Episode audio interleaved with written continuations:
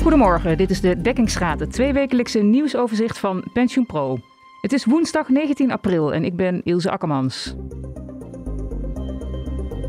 Het pensioenfonds Huisartsen kiest voor het omgekeerd gemengd bestuursmodel. Het is het eerste beroepsfonds dat daarvoor kiest nadat een reeks ondernemings- en bedrijfstakpensioenfondsen dat al eerder deed. Vermogensbeheerder APG keerde vorig jaar 51,7 miljoen euro aan bonussen uit aan de eigen medewerkers. Dat is ruim 3 miljoen euro meer dan in 2021, blijkt uit het jaarverslag. Dat ondanks het negatieve rendement van het afgelopen jaar. En de Eerste Kamer heeft nog veel vragen over de nieuwe pensioenwet, maar wil de behandeling ervan wel afronden in de huidige samenstelling. Met mij in de studio zijn vandaag Olaf Bosman, Chibbe Hoekstra en Lieve Koopmans, allemaal redacteur van Pensioen Pro. Welkom allemaal. Dankjewel. Hoi. Hoi. We beginnen met het pensioenfonds Huisartsen, dat als eerste beroepsfonds kiest voor het omgekeerd gemengde bestuursmodel. Lieve, daarover heb jij geschreven. Ja. Kun je voor de minder goed ingevoerde luisteraar misschien eerst even uitleggen wat dat is, een omgekeerd gemengd bestuursmodel? In de pensioensector heb je verschillende uh, bestuursmodellen. Het meest gebruikt is het paritaire model. Uh, daarin hebben sociale partners de bestuurszetel ongeveer evenredig uh, verdeeld. Daar is ook een aparte raad van toezicht. En in de gemengde bestuursmodellen is er geen aparte raad van toezicht. Daar zitten de toezichthouders in het bestuur. Uh, je hebt het paritair gemengd model, uh, waarin de toezichthouders in het bestuur uh, externe zijn. En in het omgekeerde gemengde model, daarin hebben de uitvoerend bestuurders, die komen niet van de sociale partners, maar de toezichthouders wel. En die toezichthouders hebben daarnaast ook nog wat meer beleidsmatige bestuursfuncties. Dus die gaan over de grote lijnen, maar over de uitvoering. Dan gaan specifiek uitvoerende bestuurders. En die hebben vaak contact met uh, uh, uitvoeringsorganisaties. Die zorgen voor de uitvoering van de pensioenregeling, de communicatie, dat soort dingen allemaal. Ja, en nu kiest dus ook een beroepspensioenfonds voor het omgekeerd gemengde model? Ja, klopt. Ja, tot nu toe waren dat vooral uh, uh, bedrijfstak- en ondernemingspensioenfondsen. En hele bekende namen zijn ABP en uh, PME. En bekend ondernemingspensioenfonds is ABN. Het is nu best bijzonder dat ook een beroepsfonds dit gaat doen. Want die, deden, die, die liet zich er eigenlijk een beetje op voorstaan dat ze het allemaal regelden binnen de eigen beroepsgroep. En dus, dus dat uh, bijvoorbeeld de dierenartsen, de huisartsen, de medisch specialisten, de fysiotherapeuten. Uh, alle bestuursfuncties die, die komen uit de sector zelf. En uh, wat nu bijzonder is, is dat het complete uitvoerend bestuur uit niet-huisartsen bestaat bij het Huisartsenpensioenfonds. En dat is eigenlijk wel een beetje een cultuurbreuk.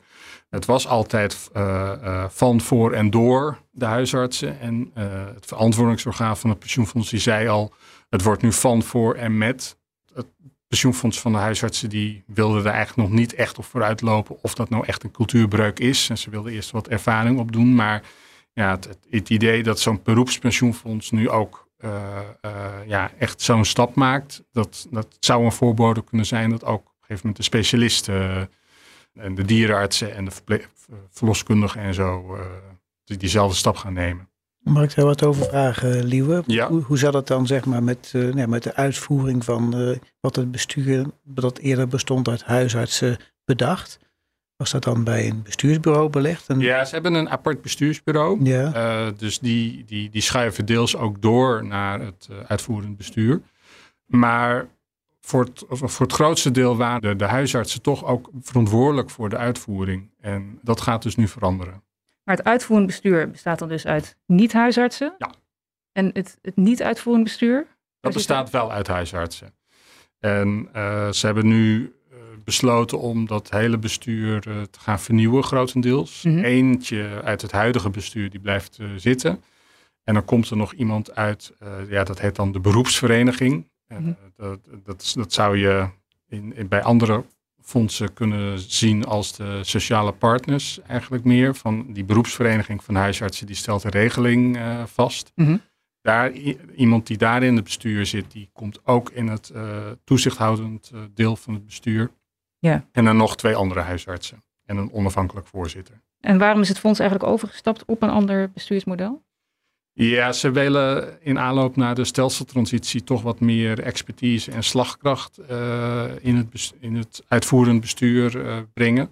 Mhm. En zij vinden eigenlijk dat uh, als je huisarts bent en een eigen praktijk runt of daarin meewerkt, dat het eigenlijk gewoon van een huisarts niet meer op te brengen is om, om, dat, te, om dat te vragen. Van, dat de, de werkdruk is dermate hoog dat en je eigenlijk dat, dat, dat niet uh, kunt uh, ja, opbrengen als huisarts om, om, daar zoveel tijd in te, te, te, steken. Ja, en je noemde al een aantal andere fondsen die overstappen naar dit bestuursmodel.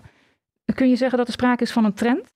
Nou, toen die bestuursmodellen zijn ingevoerd, toen, ja, het paritaire model dat is meest gekozen, maar toen maakte het omgekeerd gemengde model best wel een vliegende start. Dus toen liep het aantal op tot een 18, 19 fondsen.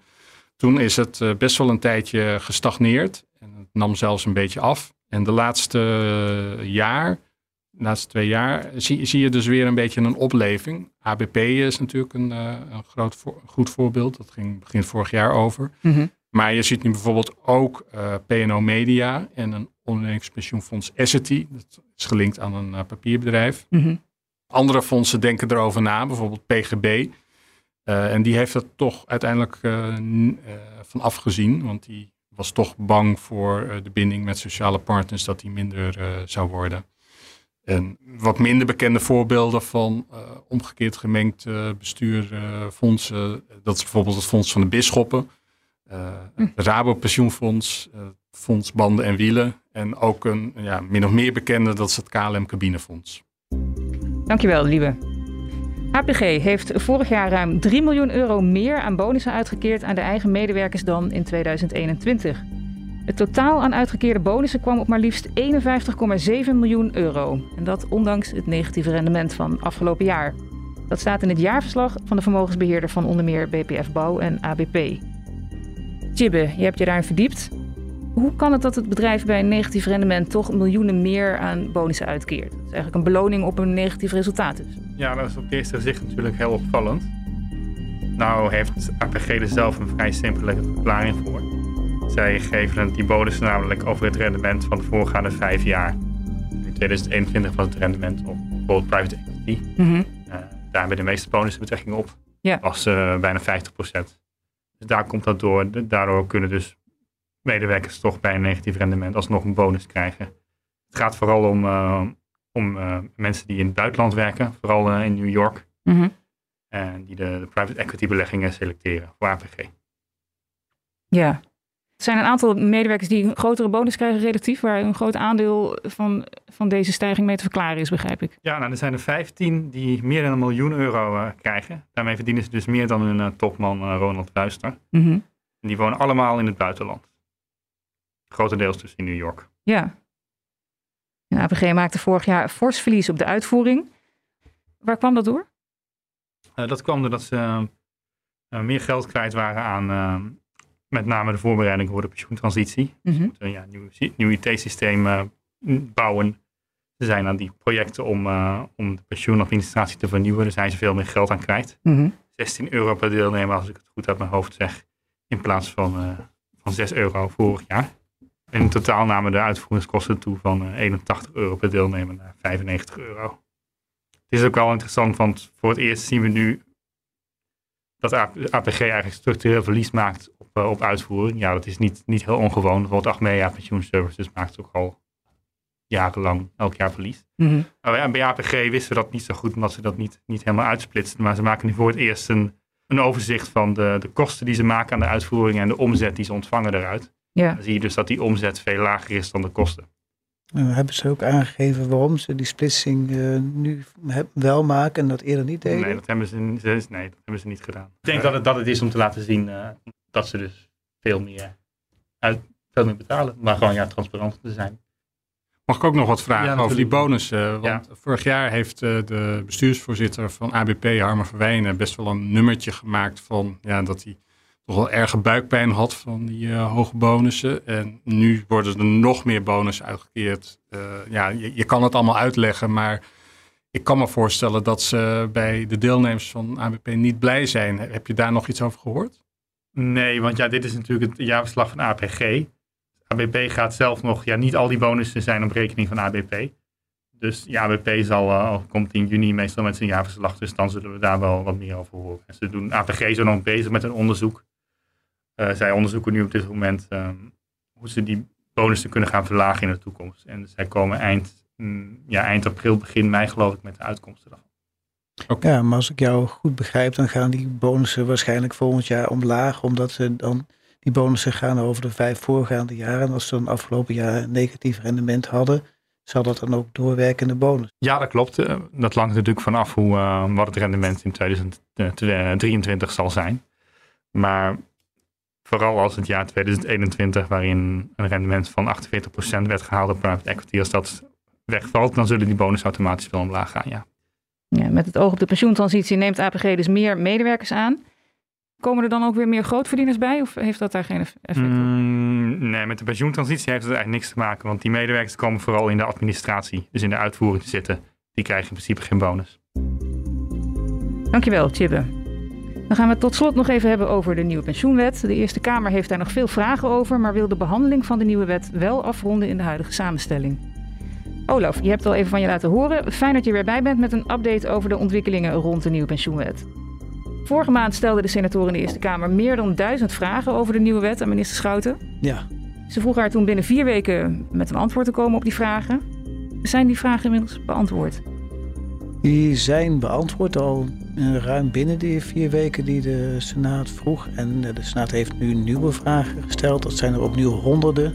Ja, meer dan 800 om uh, precies te zijn, inclusief deelvragen. En ja, een deel van die vragen verwijst ook naar de antwoorden op die ja, vragen uit de eerdere reeks. Waarbij dan senatoren zeggen, ja, het is uh, allemaal leuk en aardig, maar die zijn niet helemaal goed beantwoord. Of -hmm. Bijvoorbeeld de senator Ria Ome, dat is de pensioenwoordvoerder van het CDA. Mm -hmm. Zij, nou ja, zij prees de minister voor de, de snelheid waarmee de antwoorden kwamen. Maar merkte daarbij op van dat die snelheid wel ten koste gaat van de diepte van het antwoord. En dat ja, op sommige vragen zeg maar, het antwoord, überhaupt geen antwoord is gegeven. Vorige maand ging het om vragen over onder andere het nut van de stelselherziening. Waarover maken de senatoren zich nog zorgen? Ja, dat is zeg maar, daar had inderdaad een VVD-senator uh, had daar vragen over. Mm -hmm. Die heb ik nu zo niet 1, 2, 3 uh, gezien. Mm -hmm. ja, ja, er zijn wel twijfels nog steeds over de, over de uitvoerbaarheid. Invaren blijft een, uh, een heikel punt. En hij ziet in de vragen ook dat de senatoren de actualiteit volgen. Luwe had bijvoorbeeld geschreven of heeft geschreven over de, het feit dat je als deelnemer geen rechten kunt ontlenen aan het, aan het UPO. Mm -hmm. En daar hebben GroenLinks en PvdA vragen over gesteld. En die zijn bijvoorbeeld benieuwd van ja, wat voor invloed kan dat hebben op, op rechtszaken die, die deelnemers gaan aanspannen. Mm -hmm. Als ze ontevreden zijn over het invaar en ja, en betekent die uitspraak van het Hof, dat was het Hof in Den Haag bijvoorbeeld, dat je aan een, uh, ja, een berekening bij het invaren daar eigenlijk geen rechten aan, aan kunt ontlenen. Ja. Dat willen zij uh, weten van uh, de minister. Ja, en op 6 juni komt de Eerste Kamer voor het laatst in de huidige samenstelling bij elkaar. Ja.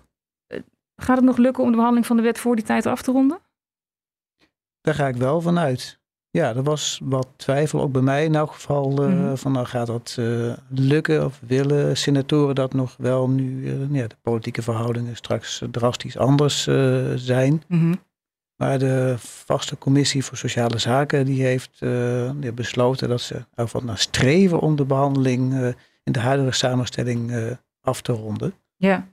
Dat kwam ook ter sprake in een debat in de Tweede Kamer over de verkiezingsuitslag.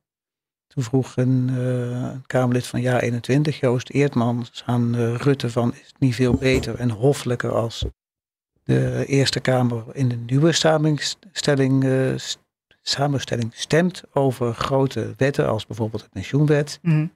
Ja, en toen wees Rutte denk ik terecht op dat de Eerste Kamer gewoon nog ja, kan doen en laten wat, wat hij wil tot de nieuwe Eerste Kamer is aangetreden. Ja. We hebben gewoon een mandaat. Ja. En wat is nu de planning? Nou, de planning is uh, over snelheid uh, gesproken. De, die, maar die ruim 800 vragen die, uh, zijn afgelopen maandag vastgesteld. En de senatoren willen overmorgen, vrijdag de 21ste, al antwoord. Nou, dan kunnen ze even op die antwoorden kouwen. En als we dan nog nadere vragen hebben, dan is de bedoeling dat ze die 9 mei stellen. Mhm. En als Schouten daar dan weer snel antwoord op geeft, kan die week daarna op 15 en 16 mei het debat plaatsvinden. Dus er zit nog wel enige speling tot, uh, tot er dan stemming moet plaatsvinden. Ja. In de Tweede Kamer heb je uh, echt wel ja, 100 uur, misschien nog wel meer debat gehad. Eerst in commissieverband, toen plenair. Mhm. Is het realistisch om te veronderstellen dat de Eerste Kamer dat in twee dagen kan beklinken? En gewoon een debat? Nou, de, ze hebben het zelf redelijk voorzichtig geformuleerd, vind ik, op de site bij de Eerste Kamer. Dat ze de aanvang van het debat op 15 en 16 mei. Dat geeft dan ruimte om ook nog op 23 en 30 mei uh, te debatteren. Tenminste, zo lees ik dat dan. Ja, ja, ja. ja. ja. Maar tot nu toe loopt alles nog volgens plan, dus om het op tijd af te ronden. Ja, volgens mij hebben ze, willen ze snelheid, willen ze de vaart erin houden. Ja, ja. Ondanks dat bezwaren, maar denk ja, dat, dat, is, dat is dan dubbel eigenlijk. Hè? Als je dan zoveel uh, vragen hebt, soms heel gedetailleerd, dat je dan toch die snelheid erin wil houden. Ik denk dat, uh, nou ja, ja. dus nadenkt up er, er doorheen en dan kunnen we verder met de stelselsherziening. Dankjewel, Olaf Bosman. En dank jullie wel ook Chibbe Hoekstra en Lieve Koopmans. Dit was de dekkingsgraad van PensioenPro met de laatste ontwikkelingen in de Nederlandse pensioen- en beleggingssector. Op pensioenpro.nl lees je meer. Heb je ideeën of suggesties voor ons? Laat het ons dan weten op redactie.pensioenpro.nl. Mijn naam is Ilse Akkermans. Fijn dat je luisterde en tot over twee weken.